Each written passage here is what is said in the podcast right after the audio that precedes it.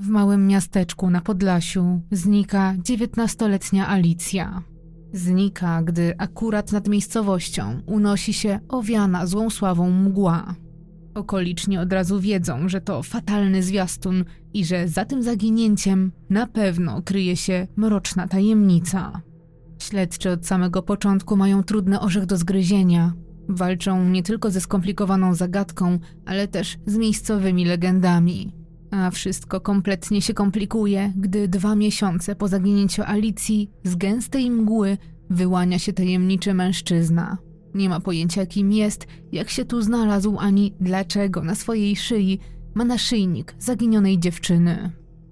Ludzie z mgły to najnowszy thriller Izabeli Janiszewskiej. Książka o ciężkiej i mrocznej atmosferze, ale też pełna zwrotów akcji, napięcia i wręcz pokręconej fabuły. Nic tutaj wcale nie jest tak oczywiste, jak może się z początku wydawać.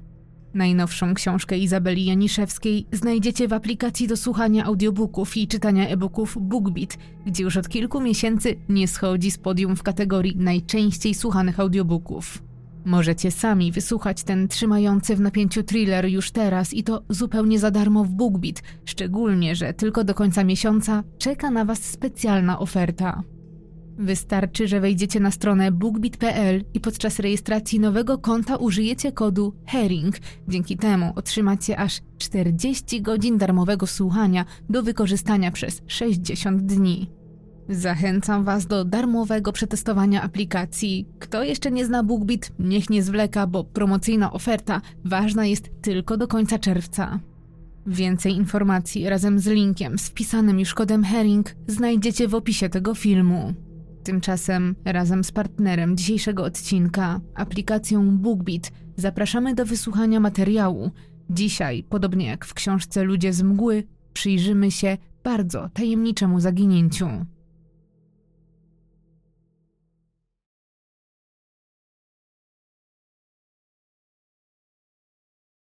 Sprawa, o której dzisiaj opowiem, jest wyjątkowo tajemnicza i zagadkowa. Chociaż budzi zainteresowanie ze względu na dziwne okoliczności, to trzeba pamiętać, że przede wszystkim kryje się za nią dramat bliskich, życie w wycieńczającej niepewności i oczekiwanie na cud. W dzisiejszym odcinku opowiem o nietypowym zaginięciu, które poprzedzone jest wydarzeniami, które wydają się być pozbawione sensu, a może wręcz przeciwnie, to tam ciągle kryje się odpowiedź.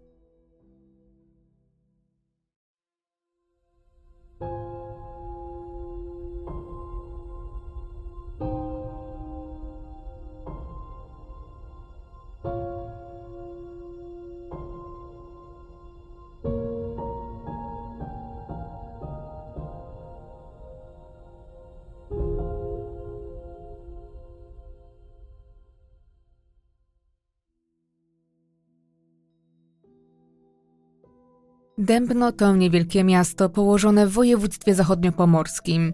Leży około 40 km od Gorzowa Wielkopolskiego i mieszka tu 13 tysięcy mieszkańców. Okoliczni i turyści, szczególnie wiosną i latem, uwielbiają spędzać tu czas nad jeziorem Lipowo, które znajduje się w sercu tego niewielkiego miasta. I chociaż Dębno nie daje szczególnych perspektyw, a przyrost naturalny jest tu ujemny, to i tak cieszy się popularnością. Jego malowniczość i spokój przyciąga tu ludzi. Prężnie rozwija się tu też agroturystyka, która sprowadza na te tereny osoby chcące odpocząć od zgiełku miasta. W Dębnie, wśród 13 tysięcy innych mieszkańców, żyją też pani Krystyna i pan Krzysztof Sierpińscy, którzy zaczynają swoje wspólne życie i właśnie tutaj postanawiają założyć rodzinę. W roku 1995 na świat przychodzi Sebastian, ich pierwszy syn, Niedługo później rodzina znowu się powiększa o kolejnego syna, a Sebastian staje na wysokości zadania, zostaje dumnym starszym bratem i sprawdza się w tej roli najlepiej jak potrafi. Teraz już we czwórkę rodzice i dwóch chłopców tworzą zgraną i kochającą się rodzinę i przez kolejne lata ich dni płyną spokojnie i przewidywalnie, jak u większości polskich rodzin. Jednak gdy chłopcy robią się coraz starsi, idą do szkół i właściwie wszystko układa się tak jak powinno, to małżeństwo zaczyna zauważać, że ich ukochane, ale i niewielkie miasto nie daje zbyt wielu możliwości. Wielu ich znajomych coraz częściej szuka szczęścia gdzie indziej i w związku z tym także oni decydują się na odważny krok, który zresztą jest teraz coraz bardziej popularny, czyli na emigrację. Kiedy więc przychodzi rok 2010, a Sebastian ma już 15 lat, państwo sierpińscy postanawiają wyjechać do Norwegii w poszukiwaniu lepszego życia i większych perspektyw, zarówno dla siebie, jak i dla dorastających synów. Najpierw razem z młodszym z braci za granicę wyjeżdża pan Krzysztof, a niedługo później dołączają do nich pani Krystyna i Sebastian. Norwegia w 2010 roku jest zdecydowanie bardziej atrakcyjna zarobkowo niż Polska. Za taką samą pracę, z takim samym doświadczeniem, można tu zarobić wielokrotność tego, co w kraju, i samo znalezienie dobrze płatnej pracy nie jest tu trudnym zadaniem.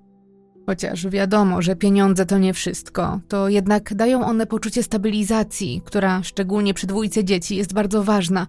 Dlatego rodzice, chociaż nie bez dylematów, zdecydowali, że aktualnie to najlepsze rozwiązanie dla wszystkich.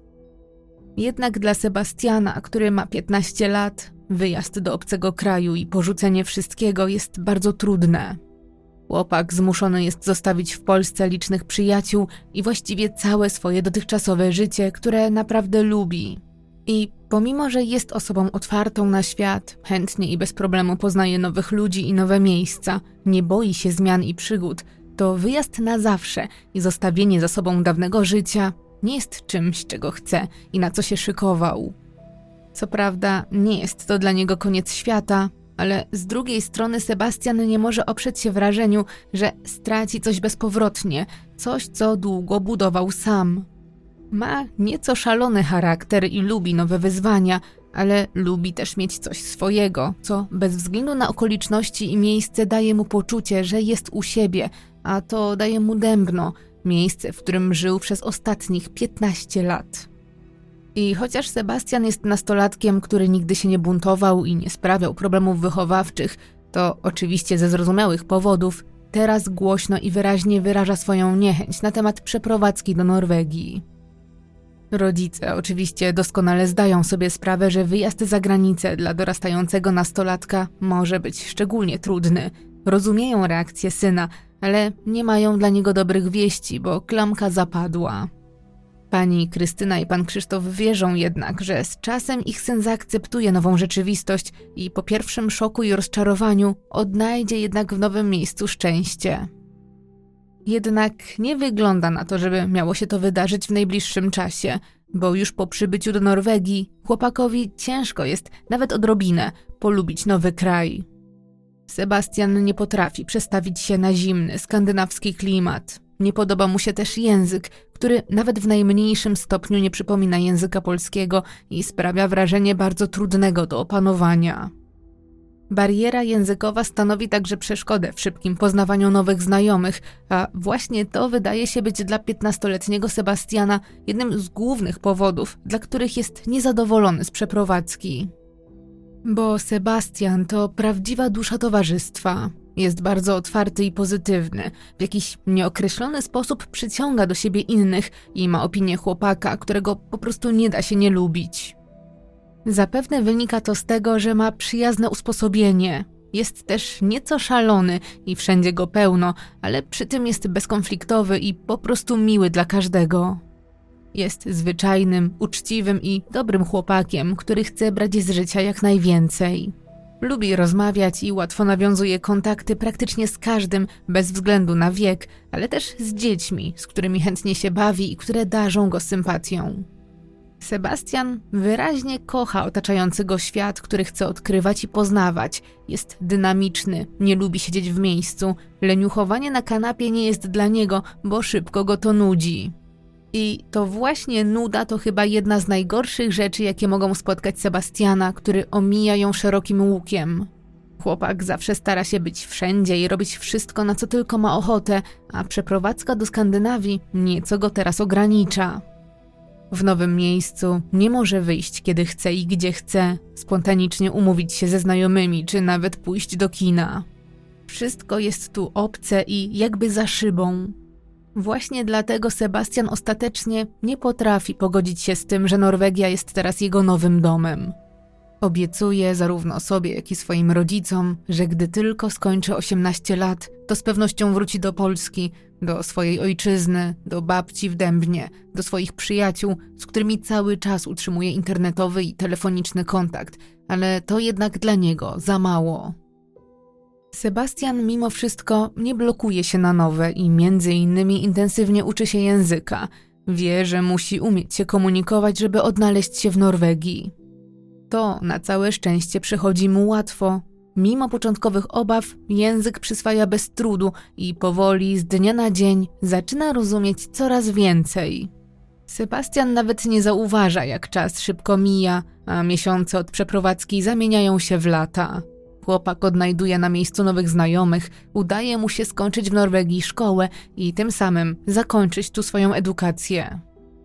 I chociaż od przeprowadzki minęły już trzy lata i na pierwszy rzut oka można odnieść wrażenie, że teraz w Norwegii toczy się nowe życie Sebastiana, to wcale tak nie jest. Nadal tęskni za Polską, za Dębnem, wciąż utrzymuje stały kontakt zarówno ze swoimi przyjaciółmi z Polski, jak i z rodziną, która została w kraju. Chłopak cieszy się, że te relacje są wciąż żywe, bo plan powrotu do Polski zaczyna zbliżać się do realizacji. Zanim jednak Sebastian wróci do swojego prawdziwego domu, szuka jeszcze pracy w innych miejscach. Chce dorobić sobie, zanim na dobre osiądzie w ojczyźnie. Wyjeżdża więc najpierw do Holandii, gdzie zostaje przez niemal rok. Potem wraca znowu do Norwegii, ale to jak się okazuje tylko chwilowy przystanek, bo niedługo później wyjeżdża na kilka miesięcy do Niemiec. Ale ta podróż po różnych krajach uświadamia mu jedno – że nigdzie nie czuje się tak dobrze jak w Polsce i teraz jest już przekonany, że to właśnie tam chce wrócić i tam ułożyć sobie życie. Jest połowa 2020 roku. 25-letni Sebastian spełnia swoją dawną obietnicę i przeprowadza się do Dębna, gdzie wprowadza się do swojej babci. Już od pierwszych dni w końcu czuje, że jest u siebie i wreszcie na dobre wrócił do swojej ukochanej ojczyzny. Znowu jednak jest w pewnym sensie rozdarty, bo jego rodzice i brat, z którymi jest silnie związany, zostali w Norwegii. Sebastian jednak codziennie do nich dzwoni, mówi im praktycznie o wszystkim i wręcz relacjonuje, co się u niego dzieje.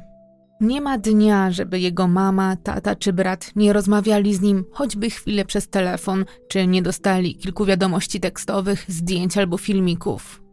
Syn do swoich rodziców potrafi nawet dzwonić tak po prostu, z nudów, na przykład kiedy czeka w kolejce do kasy w sklepie. To do swoich bliskich wybiera numer z każdą nową wiadomością, nawet jeśli rozmowa ma trwać dosłownie kilkadziesiąt sekund.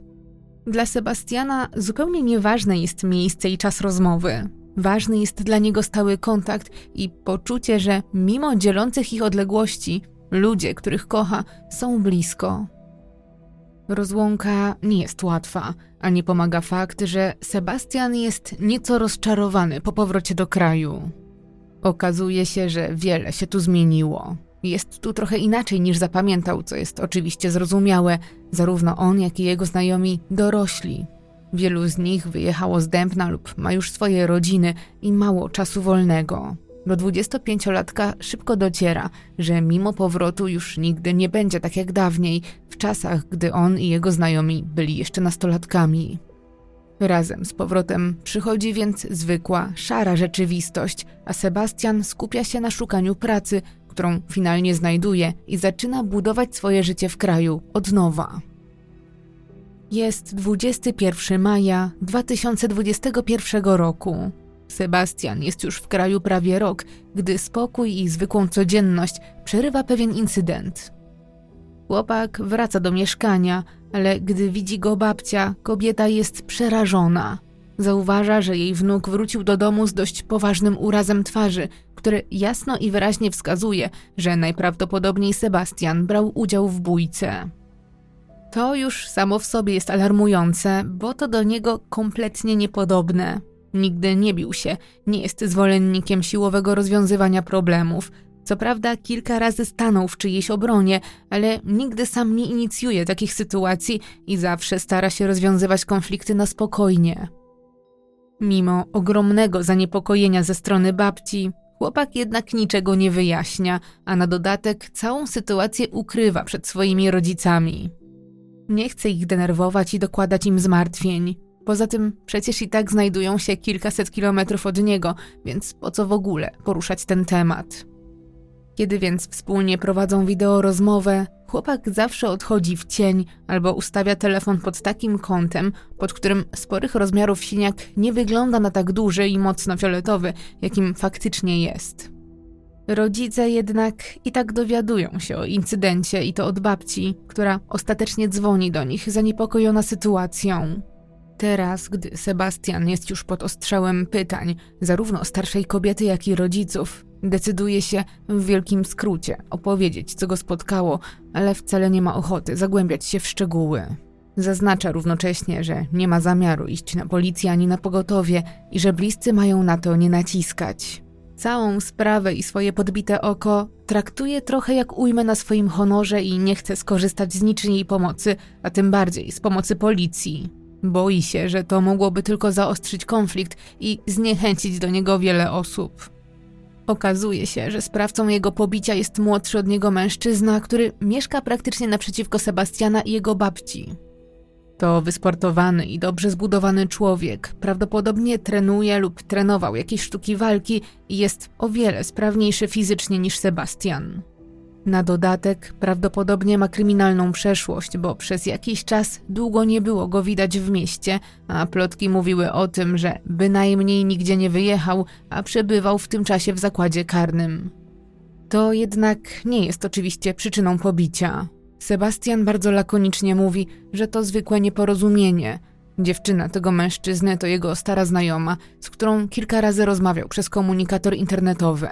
Ich rozmowy nigdy nie były jakoś szczególnie zażyłe, a ostatnio chłopak z grzeczności po prostu złożył jej życzenia urodzinowe. Niestety, zupełnie inaczej odebrał to sprawca pobicia. Gdy tylko wrócił do Dębna, dotarło do niego, że jego dziewczyna kontaktowała się z Sebastianem i to wystarczyło, żeby wzbudzić w nim zazdrość. Gdy agresor zupełnie przypadkowo spotkał Sebastiana na ulicy, nie przebierał w słowach. Doszło między nimi do wymiany zdań, a później zazdrosny partner nagle uderzył Sebastiana, który zupełnie nie spodziewał się ataku i nawet nie zdołał się obronić. Następstwem tej jednostronnej bójki jest siniak, podbite oko, ból głowy i kości jarzmowej, która według Sebastiana chyba została uszkodzona, bo czuje pod palcami niewielki jej ruch. Rodzice, chociaż są zmartwieni sytuacją, zaczynają jednak rozumieć, że to chyba na całe szczęście jednorazowy incydent i jakieś zwykłe nieporozumienie. Z czasem ból znika, siniaki także, ale mimo tego od czasu ataku Sebastian czuje się w dębnie już nieco niepewnie.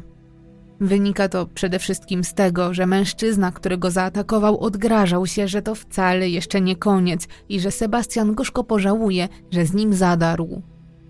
Od tego czasu 26-latek za każdym razem, gdy wychodzi z domu, ma na uwadze te słowa i stara się unikać człowieka, który ma do niego, jego zdaniem, nieuzasadniony żal. Niestety w tym wypadku unikanie się nie zawsze jest możliwe i bywa, że widują się z daleka, bo przecież mieszkają praktycznie obok siebie, co niestety nie poprawia samopoczucia Sebastiana. I mimo, że mijają dni, a rany się zagoiły, to stres i strach, że sytuacja może się powtórzyć, a nawet skończyć gorzej, jest dla chłopaka obciążający do tego stopnia, że zaczyna szukać planu B. Znowu zastanawia się, czy nie powinien spróbować poszukać swojego miejsca gdzieś indziej, gdzieś, gdzie miałby spokój i gdzie mógłby uciec od problemów, których przecież nie chciał i których wcale nie szukał. Zawsze stara się być przecież miły i kontaktowy. Zupełnie nie rozumie, czemu został tak potraktowany. Po prostu lubi rozmawiać z ludźmi, utrzymywać znajomości i także w stosunku do tamtej dziewczyny nie miał niczego złego na myśli. Nie mógł nawet przypuszczać, że zwykłe życzenia urodzinowe mogą doprowadzić do takiej reakcji, tym bardziej, że Sebastian w tym samym czasie spotyka się z inną dziewczyną i to na niej od jakiegoś czasu całkowicie skupia swoją uwagę. Sytuacja chwilowo się uspokaja, a Sebastian dochodzi do wniosku, że najlepiej będzie odciąć się od negatywnych emocji i gdy nadchodzą wakacje 2021 roku, razem ze znajomymi jedzie nad morze. Pogoda im sprzyja, a nadmorski i wakacyjny klimat wprowadza atmosferę zabawy. Sebastian wreszcie czuje, że problemy są poza nim i świetnie bawi się na wyjeździe. Chłopak wreszcie w spokoju odpoczywa ze swoimi znajomymi, ale też chętnie poznaje nowych ludzi. Tak też przez zupełny przypadek, ale przede wszystkim dzięki swojemu przyjaznemu usposobieniu poznaje Adama, który mieszka zaledwie 7 kilometrów od Gryfina w Wirówku. Wirówek jest niewielką osadą, w której mieszka nie więcej niż 60 osób. Znajduje się tutaj dworek, w którym organizowane są przeróżne uroczystości, ale przede wszystkim dobrze działająca i prężnie rozwijająca się firma, która należy właśnie do Adama, podobnie jak dwie trzecie terenów we wsi i dookoła niej. Firma mężczyzny zajmuje się wypożyczaniem maszyn ciężkich, takich jak koparki czy sprzęt potrzebny do kopania stawów i melioracji. W swoim wyposażeniu posiada też maszyny wykorzystywane do rozbiórek, ale oprócz tego zajmuje się ogólnie pojętym rolnictwem i dzierżawą ziemi. Sebastian w atmosferze zabawy szybko nawiązuje dobry kontakt z mężczyzną, który, jak się okazuje, jest od niego niewiele starszy. Dobrze im się rozmawia i na pierwszy rzut oka widać, że nadają na jednych falach. Sebastian robi na młodym przedsiębiorcy tak dobre wrażenie, że ten proponuje mu u siebie pracę. Tak się składa, że właśnie teraz szuka człowieka dyspozycyjnego, który ma prawo jazdy i mógłby pracować u niego na wielozadaniowym stanowisku.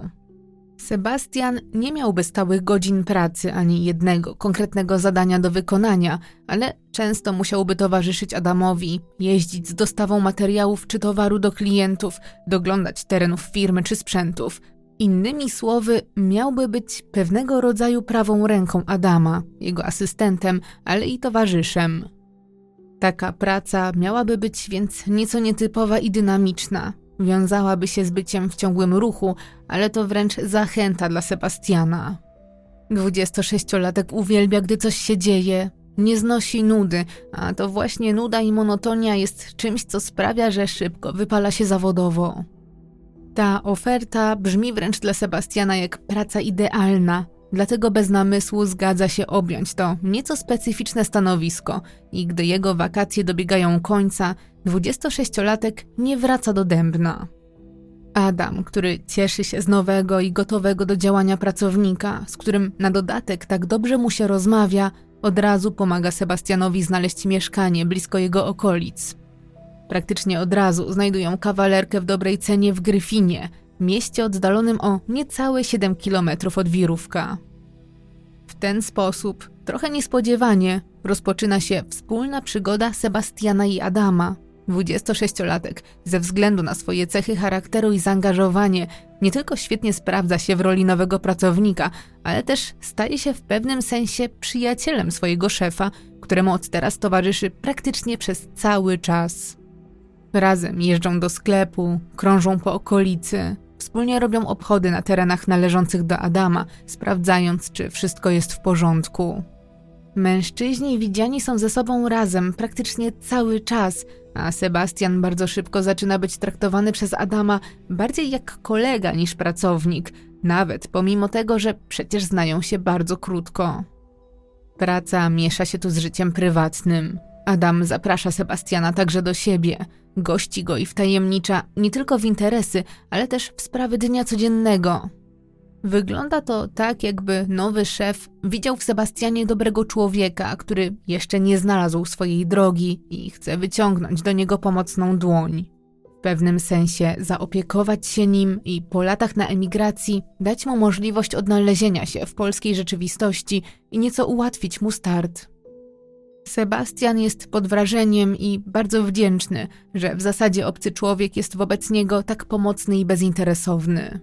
Podziwia też Adama, że mimo młodego wieku osiągnął naprawdę dużo i ma wyjątkowo ciekawe życie. Sporym zaskoczeniem dla Sebastiana jest między innymi to, że jego nowy pracodawca ma bardzo niecodziennego pupila, jaguara, wielkiego kota, na którego uzyskał specjalne pozwolenie, a którego trzyma w swoim przydomowym ogródku w specjalnej klatce. Dla chłopaka to zupełnie nowe doświadczenie. Jest zafascynowany egzotycznym zwierzęciem.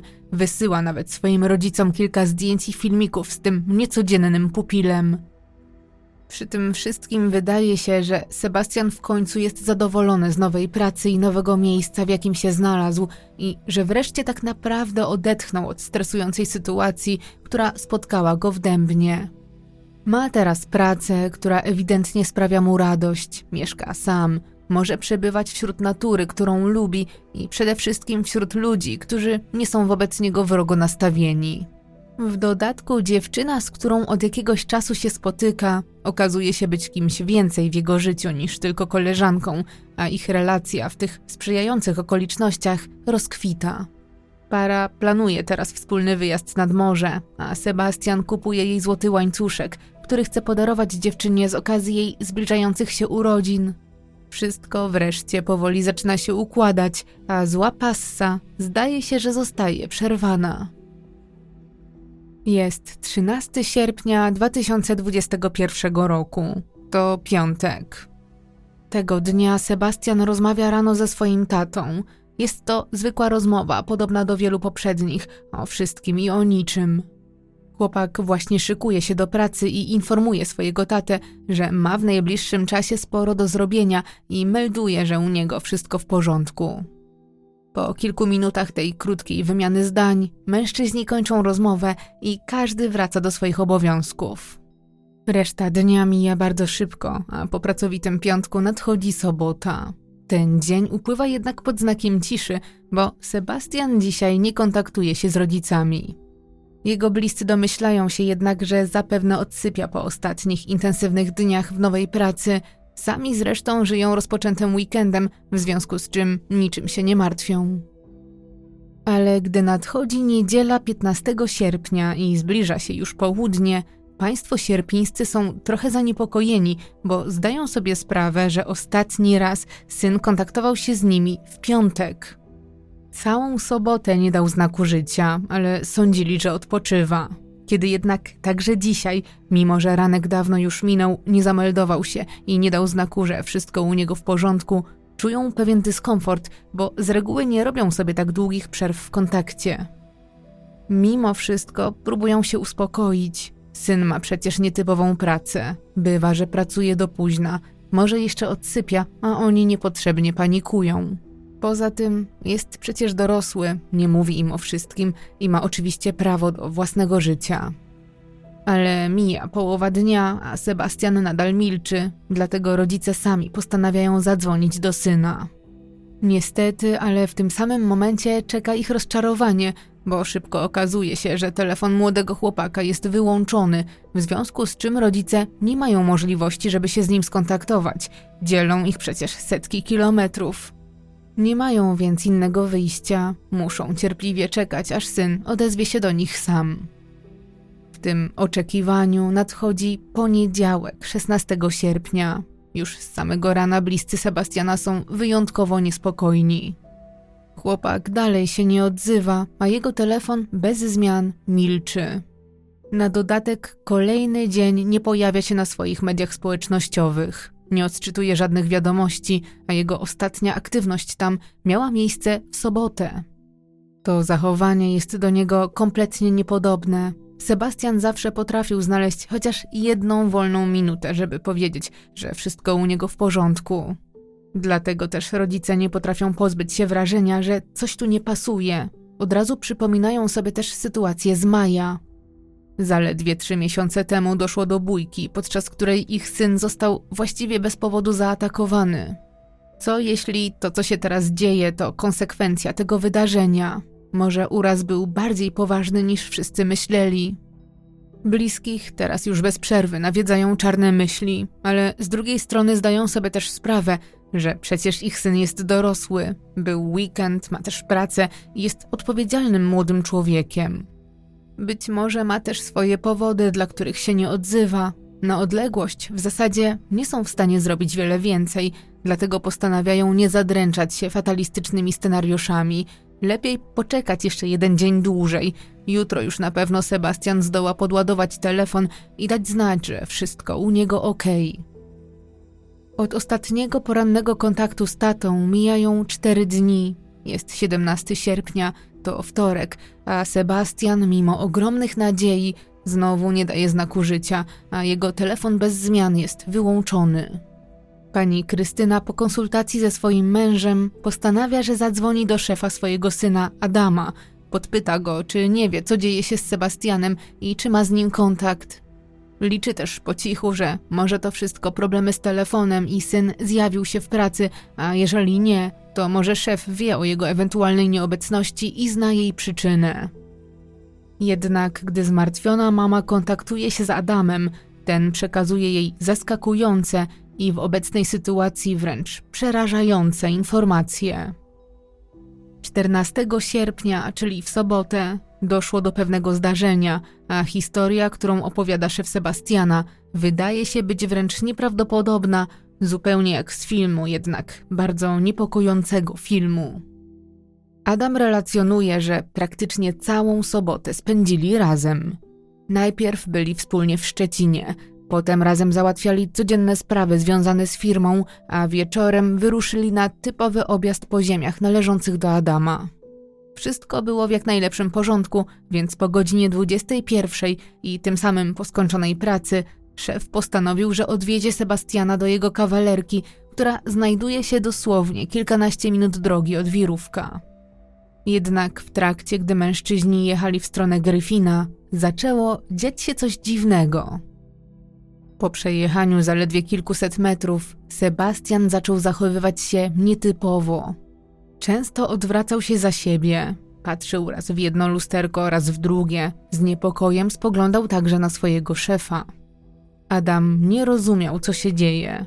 Zapytał pracownika, dlaczego wygląda, jakby czymś się stresował, i zupełnie nie spodziewał się tego, co usłyszał w odpowiedzi. Sebastian zupełnie bez powodu zaczął mówić, że ktoś go namierzył. Wyznawał, że jest śledzony i że jego życie jest w poważnym niebezpieczeństwie. Adam z początku myślał, że jego kolega sobie żartuje i że to jakieś wygłupy, ale Sebastian był wyraźnie przerażony, a pracodawca zobaczył w jego oczach realny strach. Adam zaczął rozumieć, że to, co się dzieje, dzieje się naprawdę i sam poczuł się nieswojo. Również zaczął oglądać się za siebie, jednocześnie kierując samochód, próbował zorientować się, czy na pewno są bezpieczni, czy nikt za nimi nie jedzie – jednak na drodze nie było żadnego innego pojazdu, na poboczu nie było też żadnych ludzi i nie widział niczego, co rzeczywiście mogłoby wskazywać na to, że są obserwowani albo śledzeni. Adam zaczął więc dopytywać o szczegóły, kim są te rzekomo niebezpieczne osoby i czego od niego chcą, ale Sebastian nie potrafił lub nie chciał niczego powiedzieć. Atmosfera w samochodzie była wyjątkowo gęsta. Ciągłe oglądanie się za siebie, niewiedza i utrudniony kontakt z Sebastianem sprawiały, że Adamowi trudno było prowadzić pojazd. Postanowił, że zjedzie na pobocze i tam na spokojnie porozmawia z Sebastianem, może też nieco go uspokoi i dopiero wtedy kolega wyjaśni mu, co tak naprawdę się dzieje. Bez tego przecież nie mógł działać ani mu pomóc. Adam zgodnie z planem zjechał na pobocze, a kiedy tylko jego auto się zatrzymało, Sebastian odpiął pasy, bez słowa otworzył drzwi i dosłownie wybiegł z samochodu swojego szefa i wbiegł prosto w pole wysokiej kukurydzy. Adam zdębiał. Rozejrzał się dookoła, ale nikogo z nimi tutaj nie było. Nie było więc żadnego powodu, żeby Sebastian zachował się tak gwałtownie. Szef został teraz w samochodzie zupełnie sam i początkowo myślał, że to chyba jednak jest głupi żart, a on dał się nabrać jak dziecko. Czekał więc na poboczu i za kierownicy przez otwarte okno nawoływał Sebastiana. Prosił, żeby już dał sobie spokój, ale mijały kolejne minuty, a 26-latek wcale nie wychodził z pola ponad dwumetrowej kukurydzy. Wtedy do pracodawcy zaczęło docierać, że coś jednak musi być na rzeczy, nie miał jednak pojęcia, co. Ostrożnie wysiadł z auta, ponownie rozejrzał się dookoła, ale nadal nie widział niczego niepokojącego. Teraz, stojąc już na skraju pola, znowu wołał Sebastiana. Wszedł nawet za nim kawałek w kukurydze, ale po chłopaku nie było już żadnego śladu. Adam nie wiedział, co ma robić. Wrócił do auta i wtedy zorientował się, że jego pracownik zostawił na siedzeniu swoje dokumenty, ale zabrał za to ze sobą swój telefon, który jednak był wyłączony. Cały dzień Sebastian włączał go tylko na chwilę, bo miał baterię na wyczerpaniu. Sytuacja była dziwna i wręcz patowa. Szef chłopaka kompletnie nie wiedział, co ma teraz zrobić. Wrócił więc do samochodu, usiadł za kierownicą i po prostu czekał. Spędził tak ponad pół godziny, ale wszystko na nic, bo Sebastian nie wracał. Zdezorientowany Adam był w kropce, już kompletnie nie wiedział, co dalej. Nie miał pojęcia, jak ma się zachować, więc po prostu wrócił do swojego domu. Na miejscu napisał wiadomość do dziewczyny Sebastiana o tym, co zaszło, bo tylko do niej miał numer. Poza tym nie za bardzo wiedział, co zrobić i jak prawidłowo zareagować. Uznał, że nie będzie zawiadamiał policji, bo czuł, że nikt nie weźmie go na poważnie, gdy powie, że dorosły mężczyzna wbiegł w pole kukurydzy, ale sytuacja nie dawała mu spokoju, bo mijały długie minuty, robiło się coraz później, a Sebastian nie dawał żadnego znaku. Adamowi nie dawało to spokoju. Jeszcze tego samego wieczora wrócił na miejsce, gdzie jego pracownik w popłochu wybiegł z samochodu. Znowu nawoływał kolegę, ale odpowiadała mu tylko głucha cisza. Znowu więc wrócił do siebie. Miał nadzieję, że Sebastian, gdy już upora się ze swoimi problemami, da znać, ale nic nie wskazuje na to, by tak miało się wydarzyć. Pani Krystyna jest zszokowana tym, co słyszy i czuje, jakby właśnie obudziła się w jakimś koszmarze. Właśnie dociera do niej, że jej syn ostatni raz widziany był w sobotę wieczorem i to w tak niepokojących okolicznościach. Zaznacza Adamowi, że sprawa wygląda bardzo poważnie. Prosi go, by natychmiast udał się na policję i zgłosił zaginięcie jej syna, bo od feralnej soboty ani ona, ani nikt z ich bliskich nie otrzymał od Sebastiana żadnej wiadomości. Kobieta po zakończonej rozmowie przekazuje swojemu mężowi wszystko to, czego właśnie się dowiedziała. Wspólnie zaczynają zdawać sobie sprawę, że prawdopodobnie ich syn zaginął i to w okolicznościach, które są bardzo niejasne i wręcz niezrozumiałe. Rodzice Sebastiana są skołowani i przerażeni. Od razu czują, że stało się coś złego. Nie mają wątpliwości. Pakują najpotrzebniejsze przedmioty i ruszają z Norwegii do Polski. Kiedy państwo sierpińscy są w drodze, Adam rusza na policję, gdzie zgodnie z prośbą bliskich składa zgłoszenie o zaginięciu. Powiadomiona policja w Gryfinie na całe szczęście podchodzi do sprawy bardzo poważnie, a akcja poszukiwawcza zaczyna się niemal natychmiast. O tym dziwnym zaginięciu zostaje powiadomione także Gryfińskie Stowarzyszenie Ratownicze, które już nie raz brało udział w podobnych poszukiwaniach, a które teraz na miejsce wysyła jako wsparcie siedmiu swoich ratowników. Na polu kukurydzy, w miejscu wskazanym przez Adama, pojawiają się funkcjonariusze policji, a także zwerbowana przez bliskich prywatna firma z dronami, która z powietrza sprawdza tereny, na których ostatni raz był widziany zaginiony. Każda osoba, która uczestniczy w poszukiwaniach, wyposażona zostaje w specjalny system GPS, który rejestruje dane i zapisuje teren, który został już sprawdzony. Ma to na celu, by sprawnie i skutecznie przeszukać dość spory obszar. Niestety, ale mimo tego okazuje się, że nie jest to łatwe zadanie. Dookoła są pola, a rosnąca tu kukurydza jest bardzo wysoka. Za polami są tylko lasy, a także jeziora i zbiorniki wodne, w tym niebezpieczne tereny bagienne, których nie da się przeszukać bez specjalistycznego sprzętu, a takim na ten moment policja nie dysponuje. Mimo utrudnień, prace jednak trwają i wszyscy nastawieni są, że niebawem odnajdą 26-latka. Ale mija godzina za godziną, a wbrew oczekiwaniom, poszukiwania nie przynoszą żadnego efektu. Także gdy nadchodzi środa 18 sierpnia, nie udaje się znaleźć żadnego tropu, nawet mimo tego, że na teren sprowadzony zostaje dron z kamerą termowizyjną. Dzięki pomocy ślusarza, bliscy wchodzą też do kawalerki Sebastiana w Gryfinie, ale niestety po chłopaku nie ma tutaj żadnego śladu, a jego mieszkanie nie budzi żadnych podejrzeń.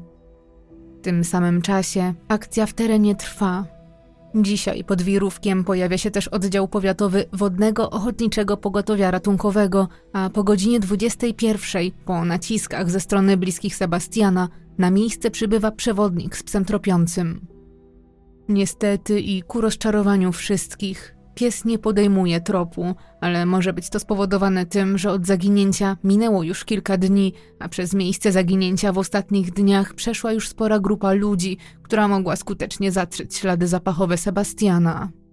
Wszyscy jednak są niemal tak samo zaskoczeni. Jak to się stało, że człowiek wbiega w pole kukurydzy i po prostu znika? Jest piątek 20 sierpnia. Dzisiaj mija tydzień, od kiedy tata Sebastiana rozmawiał z synem po raz ostatni. Dzisiaj też nie dopisuje pogoda. Spada ulewny deszcz, a to nie sprzyja poszukiwaniom, które mimo wszystko trwają nadal. Ochotnicy, policja i ratownicy wciąż mają tylko jeden cel odnaleźć zaginionego. Rodzice, którzy już od wtorku są na miejscu, także cały czas starają się uczestniczyć w akcji poszukiwawczej swojego starszego syna. To, co się dzieje, to dla nich niewyobrażalna tragedia, jak i wyzwanie życia. Są zdeterminowani i zrobią wszystko, żeby odnaleźć swoje dziecko. Angażują się w stu procentach, sami werbują wolontariuszy, a do pomocy jednorazowo zgłasza się aż 70 osób. Mimo upływających godzin nikt nie traci nadziei, a każdy wierzy, że Sebastian już niedługo odnajdzie się cały i zdrowy. W międzyczasie także do mediów szybko trafiają najważniejsze informacje na temat tego bardzo dziwnego zaginięcia. W komunikatach można przeczytać, że dnia 14 sierpnia 2021 roku o godzinie 21.30 zaginął 26-letni mieszkaniec Gryfina, a jego ostatnim wiadomym miejscem pobytu są okolice miejscowości Wirówek, w której pracował. W artykułach czytamy, że według relacji swojego szefa, Sebastian wszedł w pole kukurydzy i do tej pory nie dał znaku życia. Jak podkreślają dziennikarze, mężczyzna nie ma przy sobie dokumentów, a ubrany jest jedynie w klapki, krótkie spodenki, czarną koszulkę, a to, co może zwrócić uwagę świadków, to słomiany kapelusz, jaki Sebastian miał na głowie. Historia zaginięcia 26-latka jest tajemnicza, przez co porusza wielu internautów – którzy z jednej strony zmartwieni są losem chłopaka, a z drugiej strony czują niewytłumaczalny niepokój. Chwytliwe nagłówki sprawiają, że posty i artykuły udostępniane są wielokrotnie i bardzo szybko zalewają media społecznościowe. I chociaż szczególnie w lokalnych mediach o sprawie robi się naprawdę głośno, to nie napływają żadne nowe wieści. Rodzice Sebastiana nie poddają się jednak i cały swój czas i energię poświęcają na poszukiwania swojego syna. Za każdym razem, gdy ruszają w teren, na drzwiach mieszkania w Dębnie zostawiają kartkę dla zaginionego, że niedługo wrócą i że właśnie go szukają. Piszą też instrukcje, gdzie może odnaleźć pozostawiony przez nich klucz do mieszkania, tak żeby mógł dostać się do środka. Nie tracą nadziei ani na chwilę, Wierzą, że tym razem, gdy wrócą z poszukiwań, Sebastian po prostu będzie czekał na nich w środku, że wszystko, co się teraz dzieje, to zły sen, który przecież kiedyś musi się skończyć. Tak się jednak nie dzieje, a każdy powrót po wykańczającym dniu szukania syna to rozczarowanie, bo mija kolejny dzień poszukiwań od świtu do nocy, a mimo tego nie udaje się ustalić absolutnie niczego. Podczas gdy zarówno bliscy 26-latka, jak i odpowiednie służby starają się odnaleźć zaginionego chłopaka, w mediach społecznościowych wybucha dyskusja na temat tego nietypowego zaginięcia. Internauci bez końca snują teorie na temat tego, co faktycznie mogło wydarzyć się z Sebastianem, a w sieci coraz odważniej ludzie kierują oskarżenia w stronę osoby, która widziała go po raz ostatni, czyli w stronę jego szefa, Adama. Internauci sugerują, że to najpewniej on stoi za tajemniczym zniknięciem i że wersja, którą podaje, jest tak nieprawdopodobna, jak wyrwana z książek Stephena Kinga, że nie może być prawdziwa.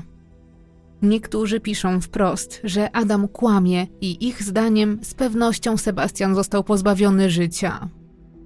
Jednak nikt z piszących te komentarze i insynuacje nie liczy się ani z uczuciami zrozpaczonej rodziny zaginionego, ani z tym, czy właśnie przez przypadek nie oskarżają kogoś zupełnie niewinnego.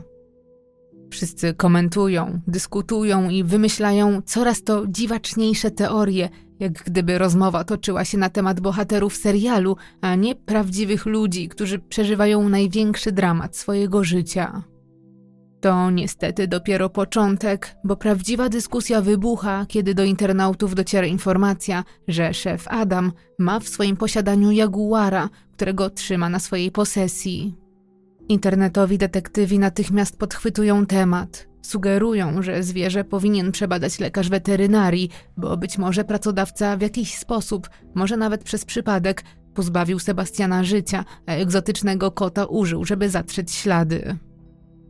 Jednak policja sprawdza na bieżąco wszystkie możliwe teorie, w tym teorię o tym, że osobą odpowiedzialną za zniknięcie Sebastiana może być właśnie Adam.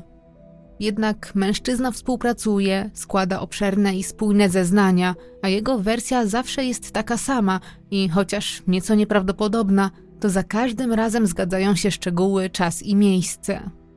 Poza tym pracodawca sam wygląda na mocno zmartwionego. Pomaga w poszukiwaniach, rozmawia z mediami, proponuje nawet rodzicom Sebastiana wsparcie finansowe, z którego ci jednak nie chcą skorzystać.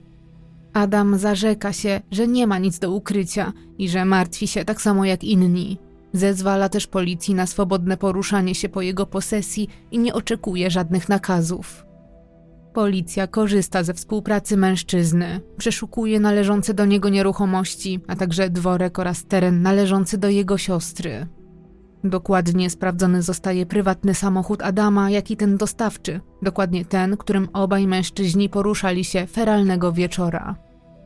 Auto zostaje jednak sprawdzone dokładnie przez policyjnych techników pod kątem śladów kryminalistycznych, ale nie znajdują tu niczego, co wskazywałoby na to, że Sebastian mógł paść ofiarą przestępstwa.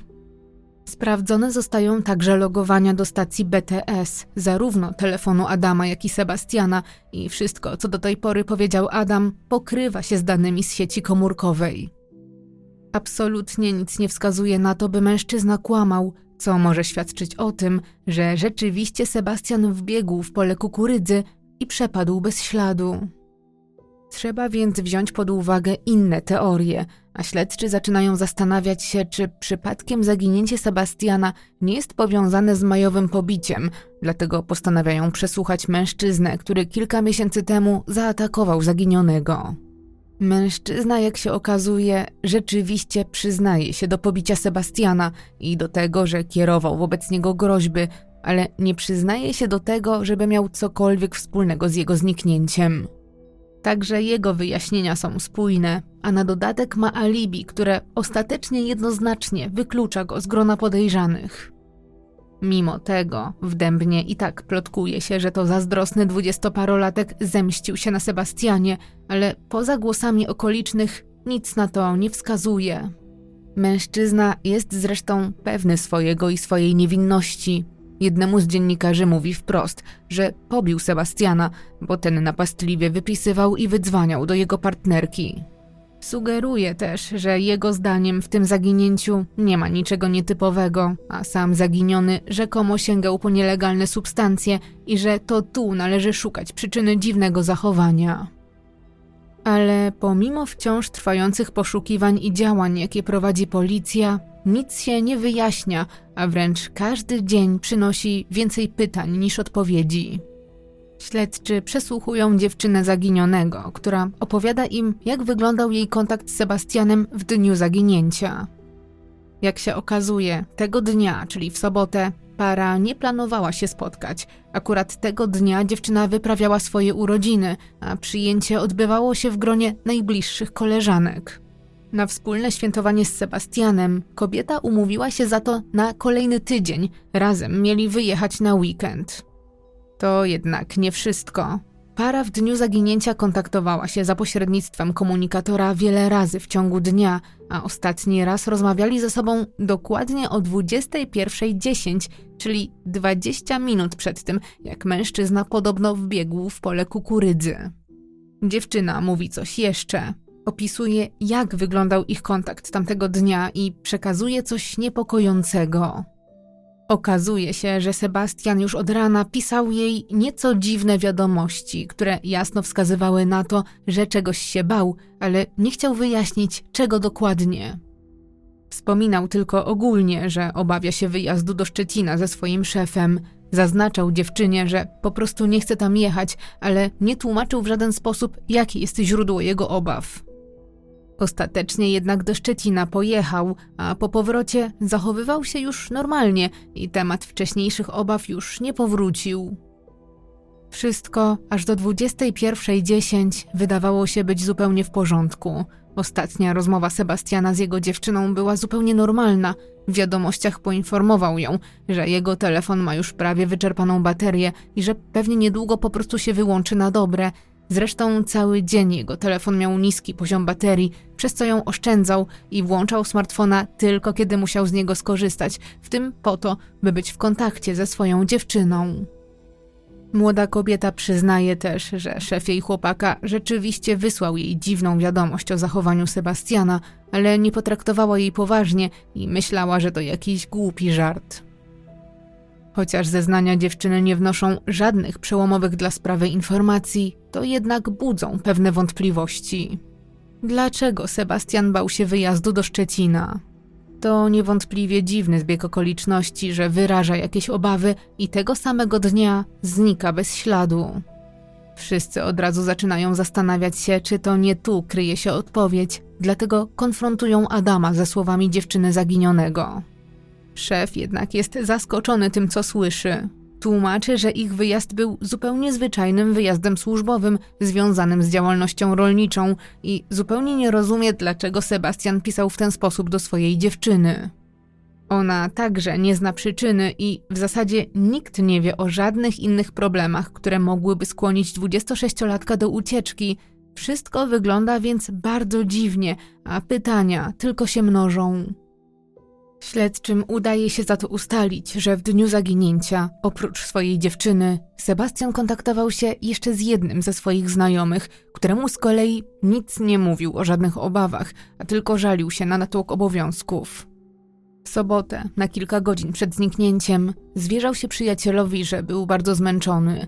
Mówił, że miał w tygodniu mnóstwo pracy i że przez ostatnie dwa dni spał bardzo mało, a w zasadzie to prawie w ogóle. Cieszył się z nadchodzącego weekendu i nie mógł doczekać się odpoczynku, którego tak bardzo teraz potrzebował. Dlaczego więc o jakichś obawach wspominał tylko rano i tylko swojej dziewczynie? Dlaczego później zachowywał się tak, jakby nic takiego nie miało miejsca? Trudno to wyjaśnić i ustalić, czy ma to jakikolwiek związek z jego zniknięciem. Mijają kolejne dni bez Sebastiana i bez nowych wieści.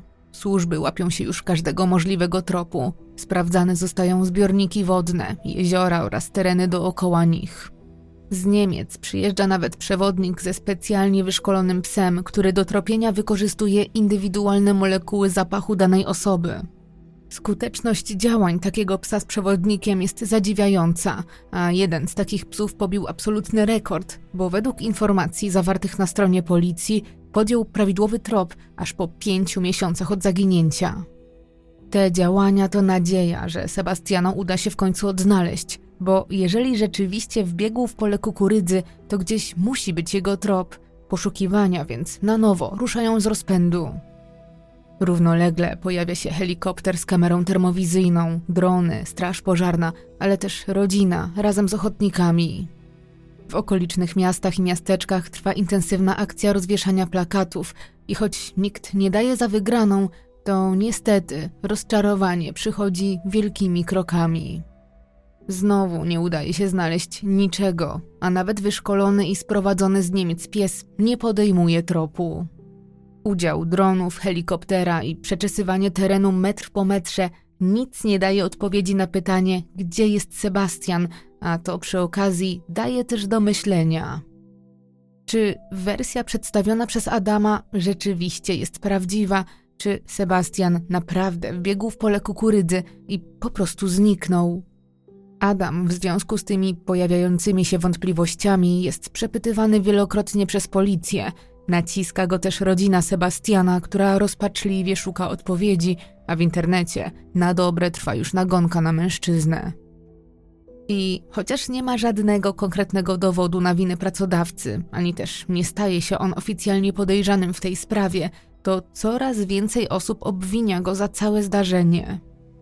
Adam czuje się zaszczuty i w końcu wycofuje się z poszukiwań i przestaje tak chętnie jak na początku rozmawiać z policją czy bliskimi swojego zaginionego pracownika. Czuje się wręcz w pewnym sensie urażony, zapewne też zmęczony rzucanymi wobec niego pytaniami i ciągłym niedowierzaniem w to, co mówi. Jest zmęczony oskarżeniami i epitetami, jakie ludzie kierują w jego stronę w sieci. Tam nikt nie ma hamulców i pod płaszczem anonimowości internauci wypisują wszystko i to bez zastanowienia. Ale mimo wielu emocji, sprawa zaginięcia Sebastiana staje w miejscu. Jego zdjęcie i krótki opis zaginięcia ciągle jest udostępniany na portalach społecznościowych, ale mimo upływających dni nie wiadomo nic. Jednak gdy mija niecały miesiąc od zaginięcia i nadchodzi 6 września, wreszcie pojawia się przełom, a razem z nim kolejne pytania.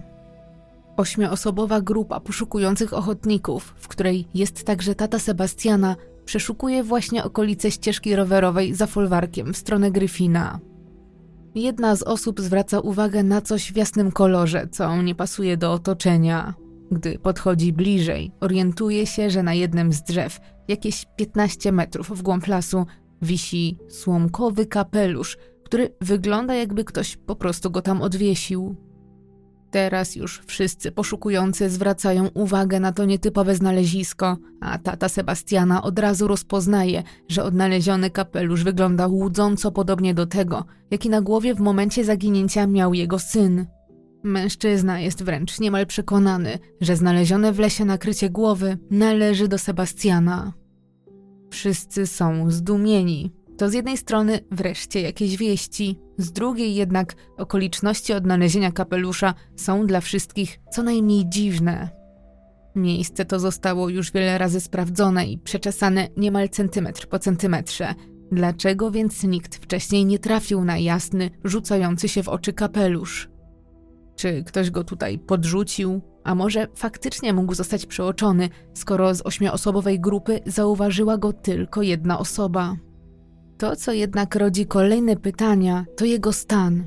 Nie jest sterylnie czysty, ani nie wygląda jak nowy, ale mając na uwadze, że przeleżał na świeżym powietrzu kilka tygodni, szczególnie, że w ostatnim czasie pogoda była zmienna i padały też ulewne deszcze, można byłoby się spodziewać, że będzie nieco bardziej brudny. Czy więc to możliwe, że kapelusz był na zewnątrz tyle czasu, a mimo tego wygląda bardzo dobrze? Czy może to znak, że został podrzucony, a wcześniej wcale nie był narażony na warunki atmosferyczne? Pytanie też, dlaczego kapelusz wisiał na gałęzi? Czy ktoś chciał, żeby został odnaleziony, czy po prostu jakiś przechodzień powiesił go, by ktoś łatwo odnalazł swoją zgubę? A może to tylko jeden wielki zbieg okoliczności i znaleziony kapelusz wcale nie należy do Sebastiana. Sprawa, mimo na nowo rozbudzonych nadziei, znowu utyka. Ze swoimi wizjami do rodziny zgłaszają się jasnowidze, którzy przekazują jednak całkowicie sprzeczne informacje. Jedni uważają, że chłopak nie żyje, inni mówią, że układa sobie życie na nowo, że kiedyś wróci, ale teraz potrzebuje czasu, żeby wszystko sobie poukładać. Ktoś 18 sierpnia rzekomo widział zaginionego w pociągu relacji Warszawa-Kołobrzeg, ale po dokładnym sprawdzeniu okazało się, że tą osobą nie był Sebastian. Kto inny widział go w zupełnie innej części kraju, ale i ten trop po sprawdzeniu okazał się być fałszywy. Nadchodzi połowa października 2021 roku. Do tej pory zarówno rodzice Sebastiana, jak i służby przez dwa miesiące, dzień w dzień, starali się natrafić na jakikolwiek ślad zaginionego i choć robili to bardzo skrupulatnie, to niestety bezskutecznie. Teren, który przeszukali, był naprawdę spory i nawet niesprzyjająca pogoda nie powstrzymywała ich przed działaniem. Teraz jednak nadszedł dzień, w którym należy po prostu odpuścić, i choć jest to dla wszystkich trudne, to intensywne poszukiwania w terenie zostają przerwane. Do końca roku utrzymana zostaje jeszcze zbiórka pieniędzy, którą założyli krewni Sebastiana, żeby wesprzeć jego rodziców w intensywnych poszukiwaniach. Gdy nadchodzi 2022 rok, a Sebastiana nie ma już od kilku długich miesięcy, rodzina wyznacza nagrodę w wysokości 20 tysięcy złotych dla osoby, która realnie pomoże w odnalezieniu ich syna. Jednak nawet wizja niemałych pieniędzy nie sprawia, że sprawa rusza do przodu. Informacje przekazane zaledwie przez kilka osób ponownie okazują się być nieprawdziwe, a każdy nowy napływający od czasu do czasu trop prowadzi donikąd. Obecnie poszukiwania Sebastiana są zawieszone, ale śledztwo prowadzone jest dwutorowo.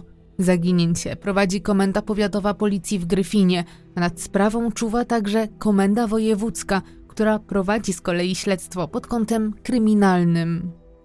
Ani jedna jednostka, ani druga, dla dobra sprawy, nie zdradza szczegółów śledztwa, jednak mimo ogromnych oczekiwań, obydwa zespoły przyznają, że utknęli w miejscu. Nie da się ukryć, że wiele osób zastanawia się, czy szef Sebastiana mówi prawdę i czy wskazuje służbom prawidłowe miejsce jego zaginięcia i tym samym miejsce poszukiwań. Mimo, że nie ma żadnych dowodów na to, że mężczyzna kłamie, to też nie udało się znaleźć dosłownie niczego, co mogłoby wskazywać na to, że faktycznie tutaj doszło do całego zdarzenia. Jeżeli Sebastian, tak jak twierdzi jego pracodawca, wbiegł o 21.30 w amoku w wysoką kukurydzę w samych klapkach, to czy byłby w stanie przebiec tak trudny i nierówny teren, nie gubiąc ich? Czy w polu, w którym raz za razem przedzierałby się przez wysoką trawę, nie zgubiłby kapelusza? To właśnie ten element garderoby budzi wiele wątpliwości i do dnia dzisiejszego nie jest pewne, czy kapelusz znaleziony na drzewie bez wątpliwości należy do Sebastiana. Jednak bez względu na to, jak naprawdę jest, jego nagłe pojawienie się rodzi liczne pytania. Kapelusz był w nadzwyczaj dobrym stanie. Nagle znalazł się na pustkowiu i akurat był łudząco podobny do takiego, jaki miał zaginiony. Nie brakuje więc osób, które uważają, że został tam celowo podrzucony, albo dla zmylenia tropu, albo wręcz przeciwnie, żeby potwierdzić wersję o tym, że chłopak błąkał się po tych okolicach. Pytania rodzi też to, dlaczego psy tropiące nie podjęły tropu, ani te, które zostały sprowadzone zaledwie kilka dni po zaginięciu Sebastiana, ani te specjalnie wyszkolone, sprowadzone z Niemiec. Czy wynika to z tego, że na miejscu pojawiło się już mnóstwo ludzi, czy to z powodu kiepskich warunków pogodowych, czy też dlatego, bo Sebastiana po prostu w ogóle nie było w tym miejscu. Należy też spróbować odpowiedzieć sobie na pytanie, jakimi motywami miałby kierować się szef Sebastiana. Mężczyźni znali się naprawdę bardzo krótko i nie byli ze sobą związani, pomimo że szybko się polubili. Mimo sympatii nie łączyły ich sprawy biznesowe, żadne głębsze relacje, a z opowieści nawet samego zaginionego Adam sprawiał wrażenie osoby, która chciała mu pomóc i która bezinteresownie wyciągnęła do niego pomocną dłoń. Jaki zatem miałby mieć motyw i przede wszystkim, czy w ogóle taki był? Warto też przypomnieć, że wszystkie sprawdzane miejsca należące do pracodawcy, jak i jego samochód w żadnym stopniu nie sugerowały, żeby były miejscem przestępstwa, ani razu też nie przyłapano mężczyzny na kłamstwie. Co więc, jeśli słowa Adama rzeczywiście są prawdziwe? Co wydarzyło się wieczorem 14 sierpnia? Sebastian miał tego dnia jakieś obawy, którymi jednak podzielił się tylko ze swoją dziewczyną. Można więc uznać, że jego zachowanie od rana nie było do końca typowe. Wiemy też, że żalił się na ogromne zmęczenie i brak snu. Co jeśli rzeczywiście Sebastian w wyniku wielu nakładających się na siebie czynników poczuł się zagrożony, przez co zareagował tak gwałtownie? Jednak jeżeli rzeczywiście wbiegł w pole kukurydzy z powodu niezrozumiałych obaw, to gdzie teraz jest? Jedynymi terenami, które nie zostały przeszukane do tej pory, są bagna położone niedaleko miejsca zaginięcia. Bagna to tereny, na których gleby przez większość czasu pokryte są wodą i roślinnością, i choć wyglądają niepozornie, to są bardzo zdradliwe i niebezpieczne. Stan wody na powierzchni może nie być wysoki, ale za to podłoże, niepewne i grząskie, może okazać się śmiertelną pułapką. Do takiego przykrego zdarzenia doszło w styczniu tego roku na bagnach w gminie Mieszkowice w powiecie gryfińskim. Mężczyzna mieszkający w okolicy dostał się na tereny bagniste, z których nie był w stanie sam się wydostać. Z pomocą ruszyły zastępy Ochotniczej Straży Pożarnej, Policji i Gryfińskie Stowarzyszenie Ratunkowe. Po wielu próbach mężczyznę udało się wyciągnąć z bagna, ale niestety na ratunek było już za późno. Czy więc także Sebastian, biegnąc na oślep, zgubił się na grząskim terenie? Służby nie chciały przeszukać tego miejsca bez odpowiedniego sprzętu, bo wiązało się to z dużym ryzykiem. Świadczy to też o tym, że chłopak, który biegł tamtędy w samych klapkach i krótkich spodenkach, mógł znaleźć się w ogromnym niebezpieczeństwie. Ale dlaczego Sebastian w ogóle uciekał? Czy faktycznie miał problemy, o których nikomu nie mówił? Czy faktycznie miał powody do strachu? Czy może były to jedynie jego wyobrażenia, które nie miały żadnego pokrycia w rzeczywistości? Rodzice zaginionego chłopaka obawiają się, że mógł to być objaw psychozy albo załamania nerwowego. Trzy miesiące przed zaginięciem ich syn został pobity i doznał urazu oka, ale też prawdopodobnie urazu kości jarzmowej. Nie poszedł jednak do lekarza, żeby sprawdzić, czy nie dolega mu coś jeszcze. Nie jest więc wiadome, czy chłopak nie doznał jakiegoś urazu mózgu, który po czasie mógł zacząć dawać objawy przypominające psychozę lub nawet ją wywołać. W sieci często poruszano też temat nielegalnych substancji, co także mogłoby tłumaczyć dziwne zachowanie Sebastiana.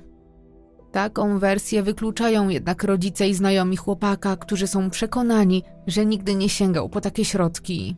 Przeszukano także jego mieszkanie i nie znaleziono tam nic, co wskazywałoby na to, że Sebastian był w posiadaniu zakazanych substancji. Nie jest to oczywiście niemożliwe, ale tych podejrzeń nie udało się potwierdzić. Oczywiście prawie nikt nie wierzy w wersję o celowym zerwaniu kontaktów z rodziną. Sebastian jest silnie związany z bliskimi, z którymi od zawsze pozostawał w codziennym kontakcie. Jego rodzice od dnia jego zaginięcia żyją, jak sami mówią, w próżni. Stan, w którym się znajdują, jest nie do opisania. Nie ma odpowiedniego porównania, które wyraziłoby ból, cierpienie, ale i nadzieję, jaką ciągle żyją bo cały czas wierzą, że ich syn wróci do domu cały i zdrowy, a jeżeli spełni się ten najgorszy scenariusz, to że chociaż poznają prawdę. Mają także nadzieję, że obietnice przeszukania bagien zostaną wreszcie spełnione przez służby, bo to wciąż jedyne niesprawdzone miejsce, w którym może kryć się odpowiedź na dręczące ich pytania. Sebastian do dzisiaj pozostaje osobą zaginioną, a okoliczności jego zaginięcia nie zostały dokładnie wyjaśnione.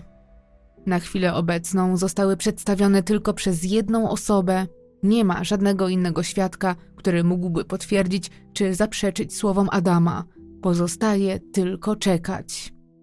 Bliscy chłopaka cały czas wspierani są przez rodzinę, ale też przez licznych znajomych swojego syna, od których słowa otuchy płyną z całej Europy. W mediach społecznościowych cały czas z nadzieją udostępniane są artykuły, które opisują zaginięcie ich syna. Pani Krystyna opublikowała także poruszający, pełen nadziei, ale i wiary wiersz. Czekam nieustannie na funkcji standby. Rozpacz walczy z nadzieją, magiczne myślenie uruchamia haj i marzenia się dzieją. Wtedy przychodzi pewność, jesteś gdzieś, lecz bez pamięci, dzieli nas tylko odległość. O pomoc byli już proszeni wszyscy święci, a nie macie nadal. Pewnie tam inaczej czas mierzą, gapie się w dal, na kolanach odwrócone zdjęcia leżą. Boję się, że z nich wyczytam to, co wróże i wróżki niezliczone. Już ich o nic nie pytam. Czekam, na to, co wymodlone. Jeżeli ktoś z Was rozpoznaje Sebastiana na zdjęciach albo wie coś więcej, proszony jest o kontakt z policją.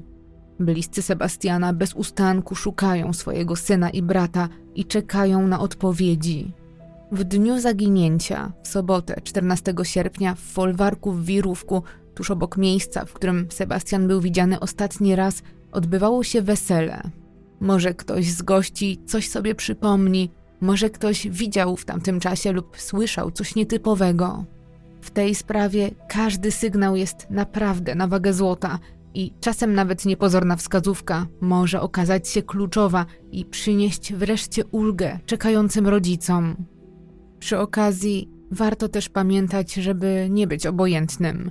Gdy widzimy gdzieś kogoś, kto wygląda na zagubionego, albo jesteśmy świadkami niecodziennych wydarzeń, zatrzymajmy się na chwilę, ale też, jeżeli coś wiemy, nie milczmy.